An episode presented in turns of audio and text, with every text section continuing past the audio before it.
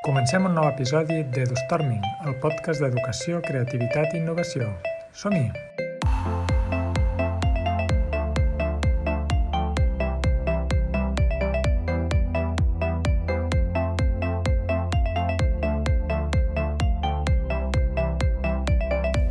En aquest setè episodi parlem amb Héctor Ruiz, biòleg de formació que sempre s'ha interessat per entendre des del punt de vista de la biologia i la ciència com funciona l'ésser humà i el cervell a nivell d'aprenentatges. Entre altres, va publicar l'any passat el llibre Com aprenem, una aproximació científica a l'aprenentatge i l'ensenyança, que és un bon punt de partida per a aquesta conversa.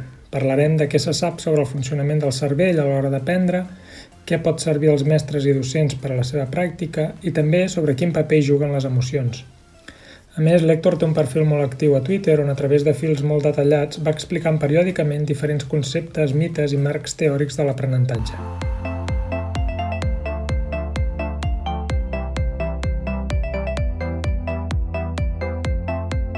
Hola Héctor, però tu no vens del món de la docència, no? Explica'ns una mica la teva formació i com vas començar en aquest món.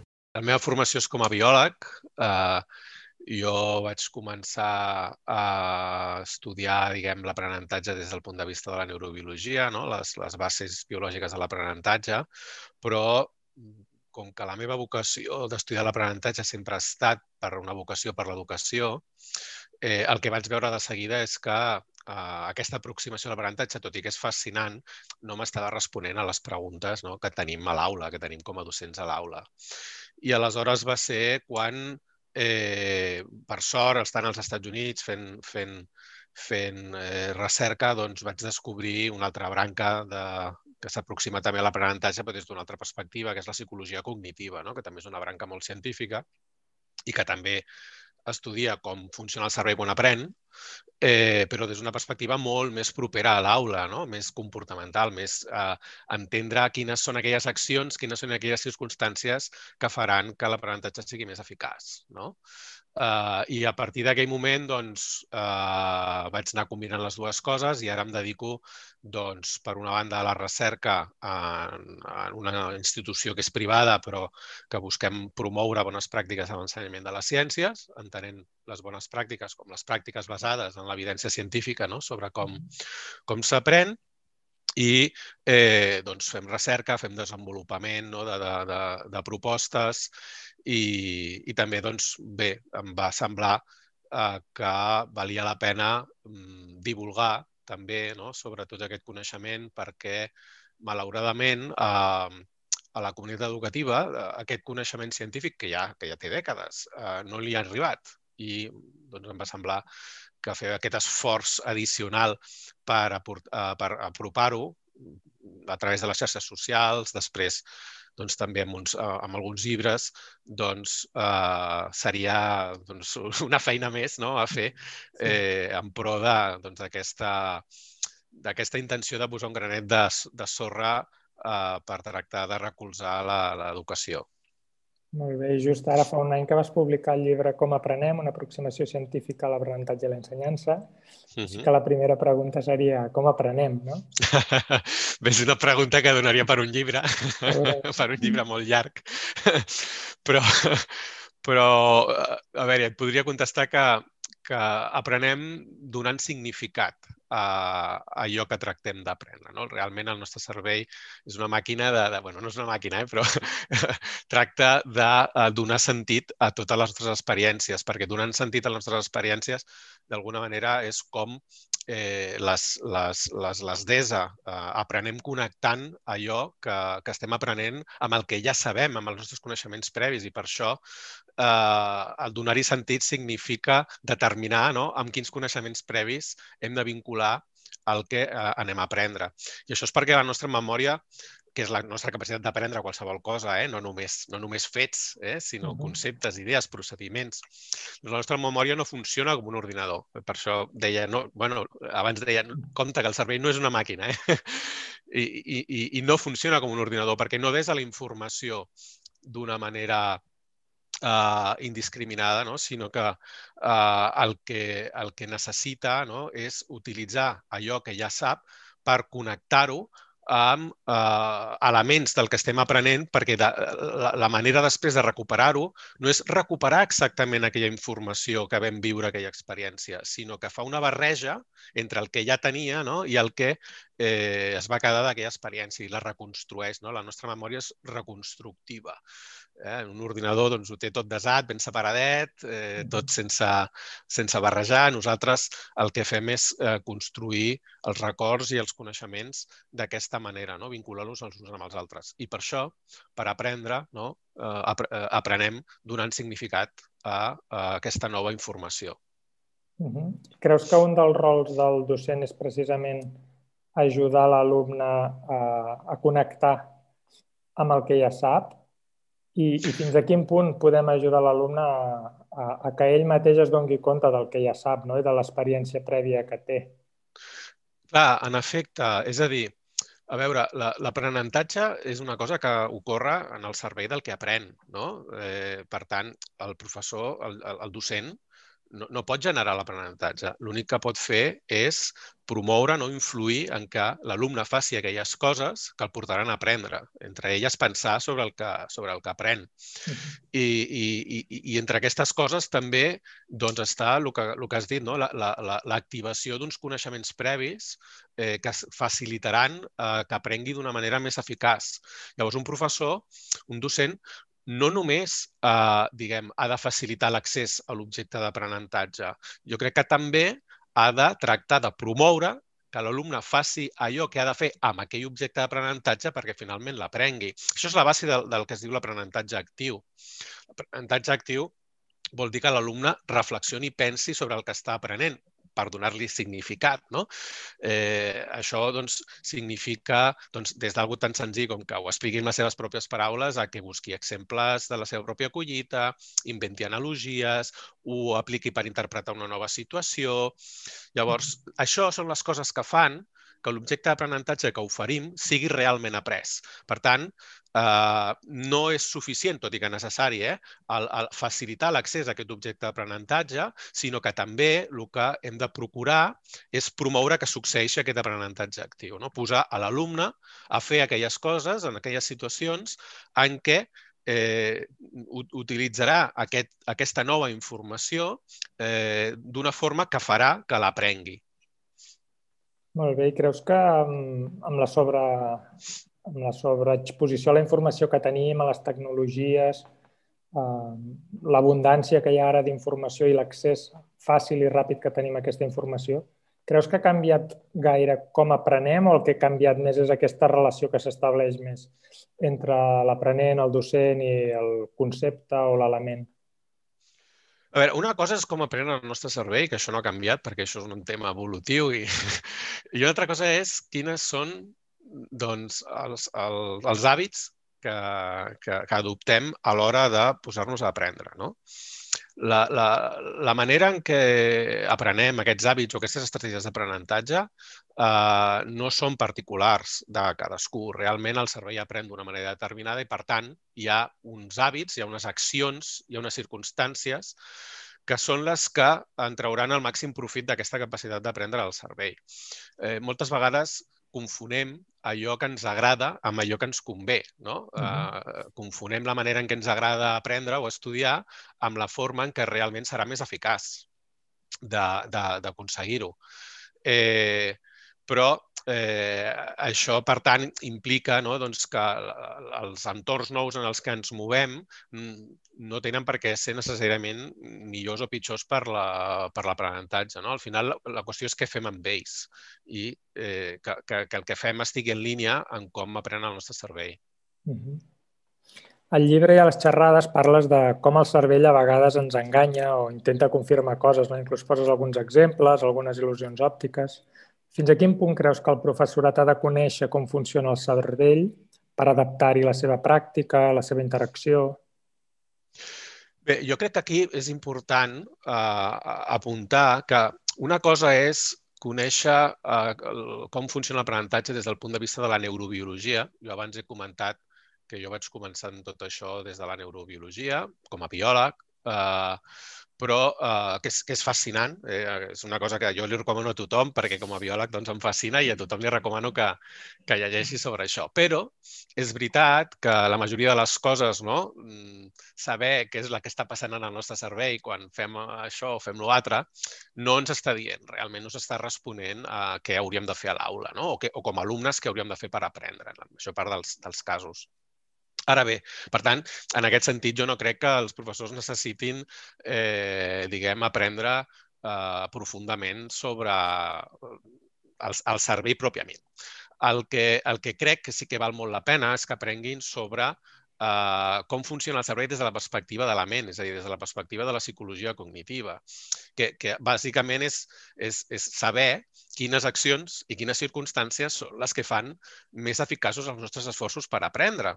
Perquè aquí també hi ha ciència, no? Hi ha una ciència eh, que ens permet discernir entre quines pràctiques realment, eh, entre cometes, funcionen, no? com acostumem a dir, i quines no ho fan tant, no? quines són més eficaces, en quines val la pena invertir temps, esforços, il·lusió, diners. No?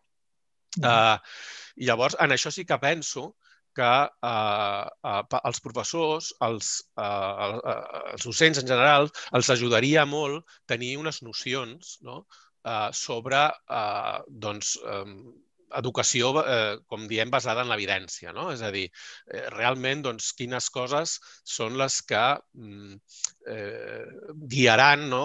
aquests esforços del, del docent per aconseguir que els alumnes desenvolupin uns aprenentatges eh, duradors, eh, transferibles, funcionals, no? productius.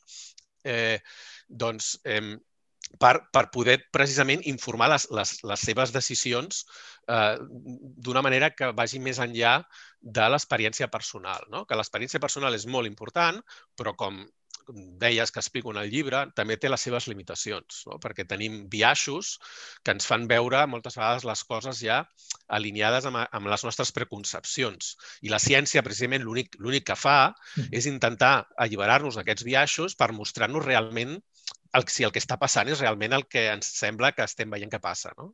Sí. Estàs fent, com has dit, t'estàs dedicant molt a la divulgació, estàs fent moltes xerrades, webinars i molta activitat en aquest sentit. Quina diries que és la, la pregunta o les preguntes o els dubtes més generals o més, que més es repeteixen quan, quan parles amb, amb docents, amb formadors? Home, eh, doncs la veritat és que no, no et sabria dir ara mateix eh, quines són les, les, les qüestions més habituals, perquè realment hi ha tants temes i, i tants aspectes sobre l'aprenentatge des de tots els factors cognitius, els factors emocionals, factors socials eh, de l'aprenentatge. Jo, sobretot, conec més doncs, la part que té a veure no? amb, amb, amb, amb com funciona el cervell, per tant, factors eh, cognitius i emocionals. No?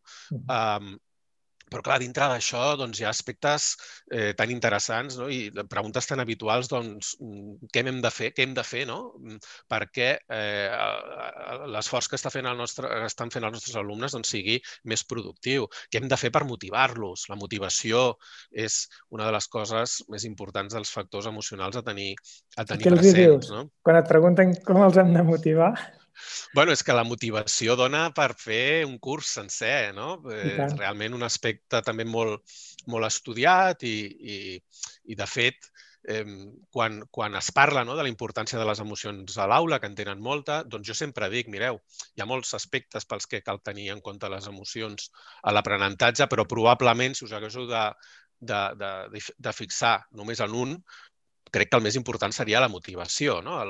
l'entendre com funciona la motivació dels estudiants a l'hora de, de, de poder eh, promoure-la.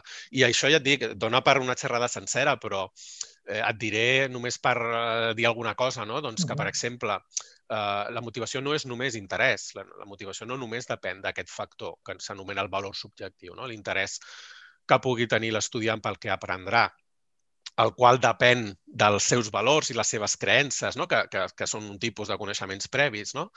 Uh, valors i creences sobre l'aprenentatge, sobre allò que aprendran, sobre ells mateixos com a aprenents, uh, sinó que també depèn eh, d'un altre factor, que és el que anomenem l'autoeficàcia, que l'autoeficàcia és la creença que tenim en, en, si, en si ens veiem capaços o no d'aprendre allò que, que se'ns planteja aprendre. Uh -huh. Perquè aquesta aquesta, eh, diguem, creença eh, precisament determinarà no només si ens hi posarem, sinó que també, sobretot, determinarà si ens mantindrem, no? eh, seguirem fent la tasca d'aprenentatge, especialment davant dels problemes, davant de, de, de, dels errors Eh, I, per tant, aquest concepte d'autoeficàcia eh, és fins i tot, sembla que més important per la motivació que no pas l'interès que hi pugui haver. Perquè l'interès és, realment l'interès, també pensem que és molt personal, però en realitat és molt més contextual del que pugui semblar. Eh, això ho veiem de les moltes vegades que hem agafat un llibre perquè pensàvem que era interessant, però pel tema, no? Però, però resulta que la manera en què transcorre el llibre no, no, mm. no ens acaba d'encaixar de, de, i ho deixem. O una sèrie, no? ara que tenim sí. tantes sèries a l'abast. En canvi, temes que d'entrada pensem ah, això no serà interessant, es poden convertir en apassionants segons la manera no? en com eh, se'ns els fa eh, arribar. Per tant, l'interès, lògicament, que és important, no només un interès intrínsec, sinó també un interès extrínsec. No? El, el, he d'aprendre això eh, perquè això m'ajudarà a resoldre tal cosa, no? eh, doncs això també és important, però insisteixo que pel que fa a l'aprenentatge, la motivació per aprendre, el concepte d'autoeficàcia eh, és probablement més important perquè, de fet, modula l'interès. Fixa't que eh, la major part de la... nosaltres no ens agrada jugar als jocs en els que perdem. Perdem l'interès per, pels jocs en els que perdem. No? Si jo no em veig, si jo crec que una cosa per molt que m'esforci, no l'assoliré, la, no l'aprendré, perdo l'interès. Sí. Eh, aquí és on l'autoeficàcia, no? fins i tot, no? pot eh, modular eh, aquest interès eh, i, per tant, la motivació en el seu conjunt. És Però és, és, és un tema molt, molt ampli. Això és res, això és un, una petita... és a dir, que per, uh, fomentar o, o mantenir aquesta motivació dels alumnes, també cal dedicar esforços en, en fer-los conscients de les seves possibilitats, no? que això revertirà en la seva perseverança i en el seu interès de, de continuar perseguint aquell, aquell objectiu o voler assolir aquella tasca. Bé, lo interessant és que les intervencions que tracten directament d'influir en aquesta autoeficàcia, no? a través de doncs, animar no? o sí. donar-li missatges positius, eh, són, poc són poc efectives. Són Mira. poc efectives Uh, perquè si per molts ànims i per molt que no, li, li, per molta confiança que tractem de traslladar-li eh, ho torna a intentar i no ho aconsegueix, la motivació, l'autoeficàcia cau de nou i, i finalment eh, la motivació desapareix. Per tant, una de les coses més importants per la motivació, o sigui, eh, eh, la motivació i l'autoeficàcia és important per assolir eh, els objectius. Sí. Però assolir els objectius és encara més important per la motivació, l'autoeficàcia. I, per tant, ajudar als estudiants a que siguin, a que els seus esforços siguin productius, és a dir, que donin el, eh, el resultat eh, final, és el, una de les coses més importants que podem fer per la seva motivació i per posar en marxa aquesta roda en la que la motivació impulsarà el seu esforç i el seu esforç eh, portarà uns bons resultats i aquests bons resultats portaran a la motivació. Per tant, hi ha una connexió aquí que és clau, que és la connexió entre l'esforç i el resultat. I la connexió entre que aquest esforç es converteix en un bon resultat és el que podem promoure coneixent bé com funciona el nostre cervell quan aprèn i, per tant, aplicant aquelles, eh, aqu aquells mètodes i, i, i no, realitzant aquelles accions i posant-nos en aquelles circumstàncies que faran que l'esforç per aprendre sigui més eficaç. Molt interessant. Un altre dels elements que comentaves al llibre és els, els mitos, no? els mites pseudocientífics, que, per exemple, el dels estils d'aprenentatge a la universitat, quan jo vaig fer la, la carrera de magisteri, de mestre d'especialitat d'educació primària, doncs ens ho comentaven una mica quasi en clau com d'inclusió, no? que per incloure tots els alumnes en una, en una classe havies de tenir en compte els diferents estils d'aprenentatge per no deixar ningú eh, apartat o, o, o de banda. Però, en canvi, pel que dius, eh, l'evidència més el que demostra és que quants més canals i formats utilitzis, eh, millorarà la, l'aprenentatge en general, més que no tant que cada individu tingui un estil diferenciat. Clar, en, en efecte, això és així. A veure, hi ha una cosa que és evident, intuïtiva per tothom, i és que les persones són diferents. Eh, I com a aprenents, també les persones som diferents i tenim diferències com a aprenents.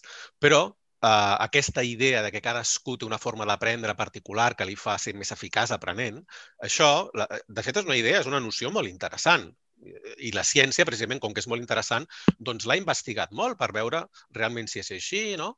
Eh, el que passa és que la, la, la recerca, precisament, que ha intentat doncs, revelar eh, si hi ha aquests estils o no, i hi ha molts tipus, eh, no només el visual, auditiu, hi ha, hi ha altres sí. categories, eh, doncs no ha aconseguit obtenir evidències de que això sigui així. És a dir, aquesta no és una de les diferències entre els aprenents. Els nostres serveis no aprenen de maneres diferents. Els nostres, els nostres serveis aprenen de la mateixa manera, igual que hi veuen de la mateixa manera. Eh, utilitzen els mateixos mecanismes i, per tant, eh, en general, les, el, el, el mateix tipus d'accions en relació als mateixos, als mateixos objectius d'aprenentatge seran efectius per a tothom. Hi haurà qui tindrà més facilitat i qui tindrà menys facilitat. Eh, és una qüestió de grau, però no és una qüestió qualitativa de que aprenent de maneres diferents, eh, un assolirà d'una manera diferent. Clar que, eh, quines, són les, quines són realment les diferències importants entre els aprenents? Doncs mira, una de les més importants són els coneixements previs. Els coneixements previs amb, amb què un arriba, eh, ja ho he dit abans, la memòria funciona de manera constructiva i utilitza el que té per aprendre i, per, i després no, per, per, per recuperar-ho.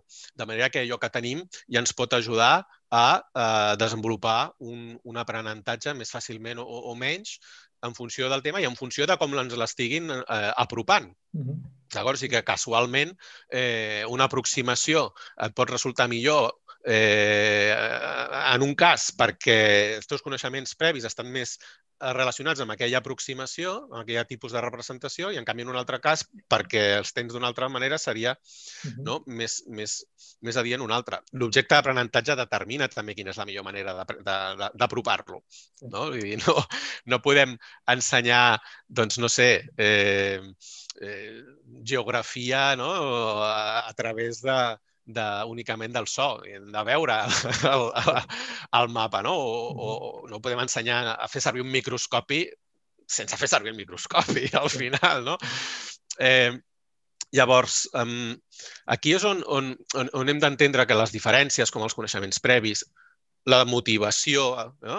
abans he dit, eh, hi ha un altre tipus de coneixements previs que influeixen en la motivació, que són els valors i les creences que tenim, que és un altre tipus de coneixement previ que influiran en la motivació. Per tant, és eh, també una altra diferència. Les estratègies d'aprenentatge que utilitzem espontàniament, que ens, ens les hem inventat eh, i cadascú ja utilitza unes, però que, clar, podem canviar-les, no? I, i, i per tant també canviar com a aprenents. Per tant, eh, i lògicament també hi ha diferències innates en, en una l'habilitat eh, que un pugui tenir més o menys per una cosa, que, però que no són aquestes diferències innates, excepte en casos molt, molt extrems, lògicament, no determinaran si un pot o no pot aprendre una cosa. En general, tots podem arribar a aprendre, a aprendre de tot, especialment no? a nivell de, del que ens demana l'escola, el que bé, per uns requerirà més esforç que per d'altres.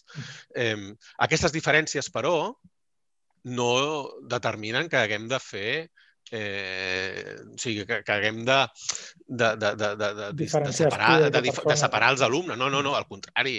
Eh, no? Els hem de tenir eh, treballant plegats, però hem de tenir en compte doncs, tot, tots aquests aspectes de manera general i la bona notícia és que, com a mínim, podem, sabem que els mètodes efectius són efectius per tots. No? I a uns els hi permetrà doncs, assolir l'excel·lència i uns altres doncs, fer-ho de manera acceptable. Sí. D'acord? Però eh, diguem que, com, com bé dius, doncs, hi ha mites, com a, i aquest és un dels més extesos, el dels estils d'aprenentatge, que ens poden portar a dedicar temps, a dedicar esforços, a fer coses que realment no, no, no fan la diferència. Mm-hmm. Tu creus que és una mica l'objectiu de, de John Hattie amb el, amb el llibre de, de visibilitzar l'aprenentatge no? i de, de fer aquest metaanàlisis d'evidències precisament per, per assenyalar a on posar l'esforç, no? En efecte, jo crec que la, la intenció eh, de, del treball de John Hattie és clarament doncs, la intenció que tenim molts de, de tractar d'aportar eh, aquest coneixement científic per ajudar a orientar els esforços dels docents i dels, i dels alumnes. Eh, de, de, de, a a l'hora de, de, de prendre decisions, eh, doncs saber eh, de totes les coses que podem fer i tenint en compte que el temps sempre doncs, és, sí. és, és valuosíssim no? en, sí. en educació, doncs decidir on el, on el posem. I aquí, doncs, eh, més enllà no, de, de que la forma en què ho faci Hattie des del punt de vista científic doncs, pot criticar algunes coses, el que té de, de, de molt interessant és precisament que tracta de dir, mireu, eh, tot això doncs, hi ha estudis i més o menys no, ens, ens orienten de que això val la pena, això potser no tant, no? I, sí. i, i, i crec que, que treballs eh, com aquests no, doncs són els que poden eh, contribuir a, a anar aportant doncs, aquest recolzament a l'art de l'educació, a l'art de, de, de l'ensenyament, no? perquè eh, la, la, la seva tasca doncs, sigui més eficaç en, en aconseguir els objectius que busca. Jo, mira, si em permets, jo a vegades poso la, la, faig la comparació salvant les distàncies amb la medicina. Eh, sí, la medicina, sí. fins a mitjans de segle XIX, principis del segle XX, no es basava en l'evidència científica. Es basava en la tradició, es basava en la pràctica personal, no sistematitzada, no? I, per exemple, utilitzava eh, pràctiques des de fa més de 3.000 anys, com la sàgnia, no? de, de treure sang del pacient per qualsevol cosa. I si mires eh, doncs, escrits de metges del segle XVI, XVII, XVIII, eh, estaven convençudíssims de que funcionava i la defensaven a, a diguem, a ultrança. Uh -huh. Fins que a mitjans del segle XIX a un metge se li va ocórrer eh, estudiar científicament si realment funcionava. Eh, un estudi estadístic, bàsicament, no? Sí. I va veure que, que no, que al contrari, que en la majoria dels casos no funcionava i que, que en molts d'ells, fins i tot, era, era pitjor.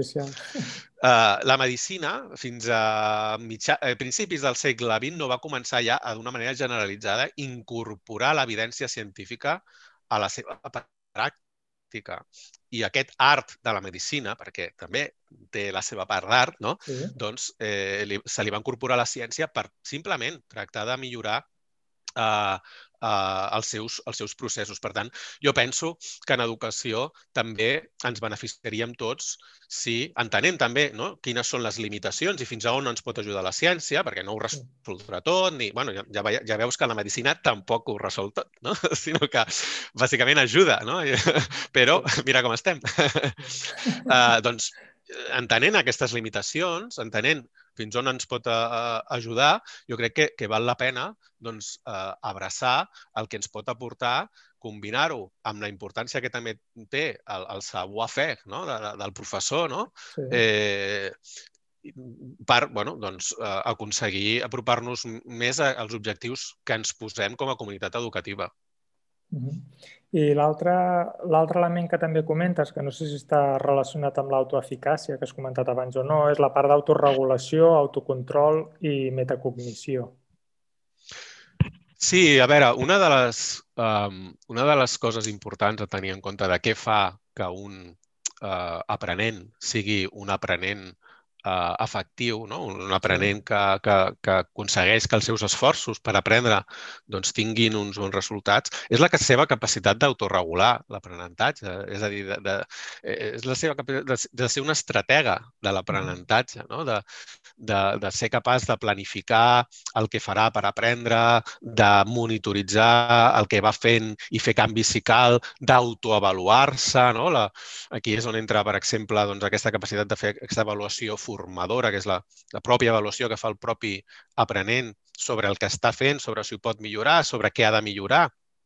Eh, doncs la, uh, aquesta capacitat d'autoregular-se, que també inclou, eh, hi ha per una banda la regulació cognitiva, que és la regulació de, d'aquelles accions que faré mm, per aprendre millor no? i decidir quan les faré i per què les faré i, i, no? i ara descansaré perquè després estaré millor. Tot això és, és, és metacognició, però també hi ha una autorregulació emocional que té a veure en mantenir-se, per exemple, saber-se mantenir motivat, eh, aconseguir mantenir els nervis a ratlla quan no, hem de posar-nos a prova o abans, no, durant, mentre ens estem preparant per una, una prova o el que sigui, eh, aconseguir mantenir-se fent allò que has de fer per aprendre quan et vindria més de gust fer una altra cosa, això també és regulació eh, emocional.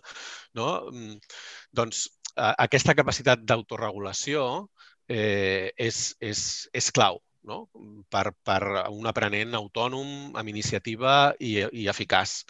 Eh, i, I com et dic, doncs, eh, la, la capacitat d'autoregulació, doncs, lògicament, com totes les habilitats, ja té una part eh, innata, però, com totes les habilitats, es pot desenvolupar. I tothom pot desenvolupar millors habilitats de regulació cognitiva, és a dir, de metacognició, d'acord? I millors habilitats de regulació emocional. Has dit abans que en relació a les emocions segurament la motivació era un dels, dels, dels factors més importants no? i segurament l'estat emocional també influeix bastant en aquesta part d'autoregulació. En, en què més influirien les emocions en els processos d'ensenyança i aprenentatge? Bueno, les emocions influeixen contínuament en tot perquè nosaltres eh, no podem evitar sentir emocions en totes i cadascuna de les interaccions, de les coses que fem. No? Llavors, les emocions estan completament intrincades en el procés d'aprenentatge. Primerament, doncs, perquè això, no? els entorns d'aprenentatge, les seccions, eh, el, el, el, els reptes d'aprenentatge, doncs, ens generen emocions. Les relacions socials eh, que, ha, que es produeixen a l'aula ens generen emocions. Eh, com dic, no? quan, quan ens, eh, se'ns posa davant una, un, un, un repte o, o quan aquest repte l'intentem, no? l'afrontem i el resultat d'aquest repte ens genera emocions. Uh, I aquestes emocions determinaran coses tan importants com deia com la, com la motivació. La, la motivació és una emoció, o, bueno, és un, eh, anem a dir, estat emocional, no? que, que és molt important eh, no perquè faci que la nostra memòria funcioni millor, o sigui, no, no perquè jo estigui motivat eh, aprendré millor allò que estic intentant aprendre, no, no, no fa que la memòria funcioni millor. El que, el que és important de la motivació és que fa que jo li dediqui més temps, més esforç i més atenció al que estic fent. I aprendre requereix de motivació, perquè aprendre requereix pensar requereix donar significat al que estem aprenent. Això vol dir no? reflexionar, raonar sobre el que estem aprenent. I raonar és una cosa que costa. Uh, I com que costa, és necessari que hi hagi una, motiv una motivació que ens porti, que ens porti a fer-ho. No? Per això no podem oblidar doncs, eh, aquesta part emocional de, de l'aprenentatge, no? que és el que ens impulsarà a fer allò que, eh, que, que ens porta a aprendre. Després, lògicament, doncs, com bé has dit, l'entorn no? de, de, l'entorn d'aprenentatge, eh, les, les emocions que, que em generi, si, ens dona, si em dona seguretat, si, si, si jo m'equivoco, eh, serà un entorn que em faci sentir malament o serà un entorn que em recolzi no? I, i, i que m'animi a que això no passa res. Per tant, la, la seguretat que et dona l'entorn, el, el fet no? de, de, de sentir-se recolzat eh, en l'aprenentatge, Um, bé, mm, mil coses no? Sí. que, que, que realment doncs, és important tenir-les en compte. Sí. Eh, els mecanismes de l'emoció no, són els, no, no, no tenen a veure amb els mecanismes de l'aprenentatge, la, però els influeixen i els modulen contínuament. Eh? De manera que, eh, per això deia abans, l'aprenent eh, eh, eficaç és l'aprenent que s'autoregula però a dos nivells, a nivell cognitiu i a nivell emocional, mm perquè això conjuntament no, és el que eh, li permet assolir els, els objectius d'aprenentatge. I després hi hauria ja la, la dimensió social, no? Hem parlat molt de com aprèn cadascú, però en societat la gent no interactua, molt poques persones interactuen soles, a l'escola estem en grup i treballem i aprenem en grup i que és una capa més, la dimensió social, és forma part de on situaríem la, la interacció social en aquest procés d'aprenentatge?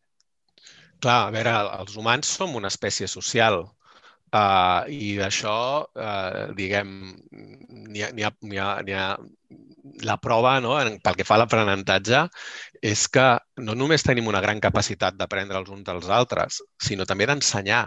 Espontàniament ensenyem als nostres eh, companys. No? Fins i tot els nens petits ja veiem que tenen una habilitat innata per ensenyar el, els seus iguals. No? De manera que eh, la, aquesta eh, capa és una capa, diguem, que lògicament eh, està connectada amb, amb els factors cognitius, en el com aprenem, però també amb les emocions. Les, ja abans he dit, les relacions socials generen eh, emocions i determinen, no, per tant, aspectes tan importants com la eh, motivació. Eh, per altra banda, això, no, no hi ha manera més, més eficaç d'aprendre que a través de, de, de l'ensenyament, que a través de que algú doncs, t'ajudi a, a aprendre. I, per tant, eh, per simplificar, no? doncs, eh, l'aspecte en aquest sentit eh, social és clau també tenir-lo en compte eh, a l'hora d'entendre de, de, doncs, realment què passa eh, en una aula quan aprenem. És a dir, jo puc aportar una aproximació especialment de, de, de què és el que passa en el servei de, de, de cada alumne, però després han de venir també uns altres investigadors en, eh, una, en una àrea d'una àrea més, més, més social, més sociològica, que també eh, complementen i, i, i donen un, un, aporten una altra aproximació que és importantíssima també per entendre els processos d'ensenyament-aprenentatge en l'ecosistema real, no? Mm -hmm. que és l'escola. Mm -hmm. I per acabar, un recurs que vulguis compartir o recomanar i una cita per tancar la conversa. Bé, jo de recurs, l'únic que crec que, que recomanaria, doncs, lògicament, l'esforç que he fet en els llibres, no?, del el com aprendemos o, o l'aprendre a aprendre, el conèixer el teu servei per aprendre a aprendre, que és pels nens. Eh, tot i que també... Per nens i no tan nens, no? Perdona. Sí, també, sí, sí. Adolescents i joves que estan... Sí, sí, sí. El que passa és que l'estil és, és, és així més, més juvenil, no? Sí. Uh, i, però també eh, per exemple, doncs, eh, faig molts esforços eh, per fer divulgació a les xarxes, al Twitter, per exemple, i per tant allà eh, ja he creat molts fils, no? No cal comprar llibres si un no vol. Eh, allà té doncs, també moltíssima informació que recomano, moltíssimes referències no? cap, a, cap, a altres, cap a altres fonts. I com a frase, home, doncs jo Mm, que parlo més des de la perspectiva no? d'entendre l'aprenentatge des de la perspectiva del servei, doncs la cita que potser posaria és una de, del, del Herbert Simon, eh, que una persona polifacètica, que Premi Nobel d'Economia, de, però investigador en ciències cognitives també, ciències polítiques, i que deia eh, l'aprenentatge és el resultat d'allò que l'alumne fa i pensa. Eh, I només d'allò que l'alumne fa i pensa. I, per tant, eh, el docent només pot eh, intervenir en l'aprenentatge influint en allò que l'alumne fa i pensa. No? I això és una miqueta doncs, la, la, la base no? de, des de la perspectiva cognitiva de com eh, podem afrontar la tasca d'ensenyar de, i d'aprendre. Moltes gràcies, Héctor, un plaer. Esperem doncs, seguir llegint-te i seguint-te a Twitter, que realment els fils que fas són molt, molt il·lustratius i amb, amb molta, molta profunditat i molta, molta informació. O sigui que moltes gràcies. A vosaltres, a tu. Un plaer.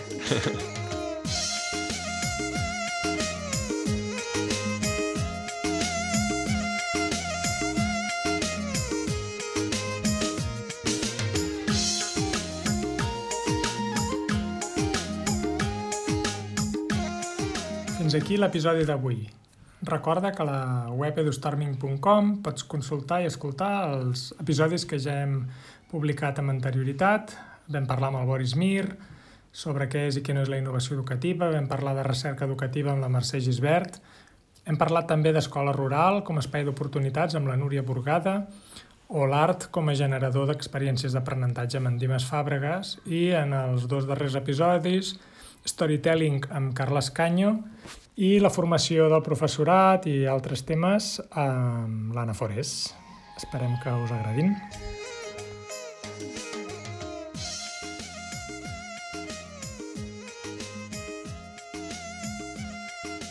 Moltes gràcies per acompanyar-nos. T'esperem al proper episodi. Recorda que pots subscriure't a la llista de correu i rebre tots els enllaços i recursos que hem compartit avui, així com seguir-nos a Twitter arroba edustorming13. Fins aviat! Estamos unidos.